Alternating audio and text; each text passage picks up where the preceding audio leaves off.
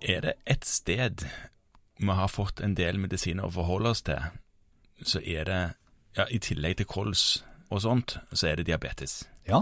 Og da særlig type 2-diabetikerne, Ja. som får eh, all slags mulig nå kan få. Og en del av dette har jo hatt veldig spennende resultater på alle mulige former for Ikke sant. sykdommer. Ja. Eh, trenger ikke gå inn i det igjen, det har vi snakket om før. Men det jeg ville fram på, det var at en del av disse type 2-diabetikerne de ender på en måte i insulininjeksjonsregimet til slutt uansett. En god Mm. del av de gjør det, ja. Ja, etter hvert. Og da får de omtrent diabetesbehandling som en type 1-diabetiker, i alle fall sånn NPH som middels langtidsvirkende insulin. Ja, de fleste type 1-erne de har jo nå gått over til sånne analoger. Jo, men kan ikke disse type 2-erne òg bare få det? For det er jo tross alt gir ofte en bedre blodsukkerkontroll, jevnere blodsukkerkontroll. Ja, fram til nå så har vi hatt noe eh, De kan bare få det, men fram til Ja. nå så har vi hatt en utfordring med refusjonen. For det har ikke vært forhåndsgodkjent på blå resept for type Ja, 2-diabetes. så altså. de må betale det sjøl. Ja, ellers så kan man søke, og det har man fram til nå fått innvilga eh, hvis de har hatt eh, dårlig kontroll på NPH-insulin eller mye følinger. Nettopp. Men nå, nå har det kommet noe nytt. For nå er disse analogene forhåndsgodkjent på type 2-diabetes. Ja, men så flott, da. Ja, i utgangspunktet er det det, men så er det kommet en liten sånn I felleskatalogen under dette refusjonskapitlet så står det jo ofte en liten sånn der greie Mm. Eh, om noen forutsetninger for å få det på blå resept. Jo, ja. Og det som står under det punktet som ofte heter refusjonsberettiget bruk, det er at det er godkjent til type 1 dersom en ikke oppnår behandlingsmålene til tross for optimal behandling med NPH-insulin. Grunnen til at jeg sier dette er en liten forskjell, for på type 1 så står det at hvis du har hyppige eller alvorlige nattlige følinger, som skyldes insulinbruken, eh, store svingninger som ikke gjør det mulig å oppnå optimal kontroll.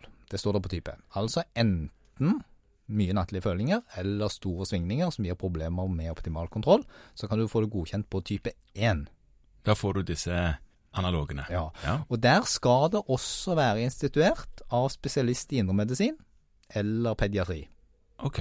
Men på type 2, Ja, for det var det egentlig jeg snakket om. ja, så trenger man ikke være indremedisiner eller pediater. Det holder da at du er kjempeintelligent, altså fastlege. Ja, Mhm. eh, dessverre tror jeg faktisk ikke det du trenger være det engang. Det står ingenting. Du b- ja, Du nett- må ha forskrivningsrett. Nettopp. Ja, eh, og refusjonsrett for trygden. Mhm. Eh, Men så står det at det kun ytes til de som til tross for optimal behandling med to daglige doser enn på insulin. Så der må man altså ha prøvd ut både morgen og kveld. Og så du, må- det holder ikke å ha kveldsdose? Det holder ikke med kveldsdose, sånn som du gjerne begynte med, ikke sant? Jo, jo. Men du må også ha lagt inn morgendose. Og til tross for det så skal du ha vedvarende utfordringer med hypoglykemier. Ja. Ok.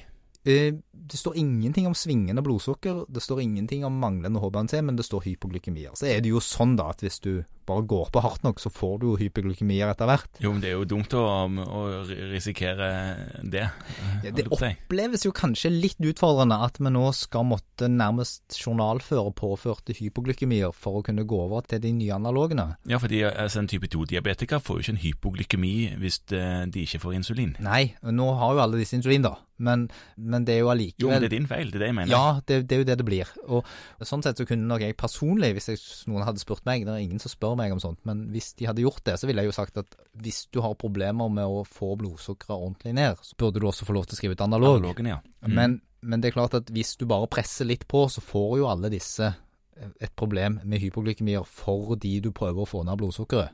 Mm. Så, så det ene gir nødvendigvis det andre. Du trenger jo liksom ikke ha hatt fire hver natt over 14 dager. Det skal bare være et, eh, et vedvarende problem. Skjønner. Så det gode er at vi slipper disse 3A-søknadene. Ja.